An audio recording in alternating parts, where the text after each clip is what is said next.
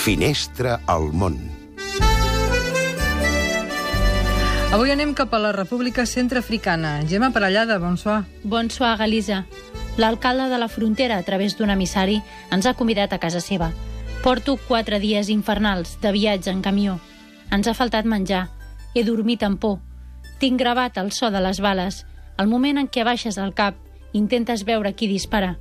Tinc esculpit el record, el cap obert i aquell riuet de sang, de la Didiatú abans de morir. No em ve de gust fer diplomàcia. Prefereixo quedar-me a passar la nit amb els refugiats amb els que he fet el trajecte, amb qui he conviscut i conversat. Ens hem ajudat i protegit. Hem rigut molt també abans de plorar de ràbia. Ara el Musa, l'Abdurrahman, l'Ibrahim, la nena amb mirada de princesa, es dispersaran entre el desert xadià i s'esfumaran. Vull estar amb ells, centreafricans musulmans, ara amics, que fugen del genocidi. Però l'alcalde no accepta un no. Ja és fosc.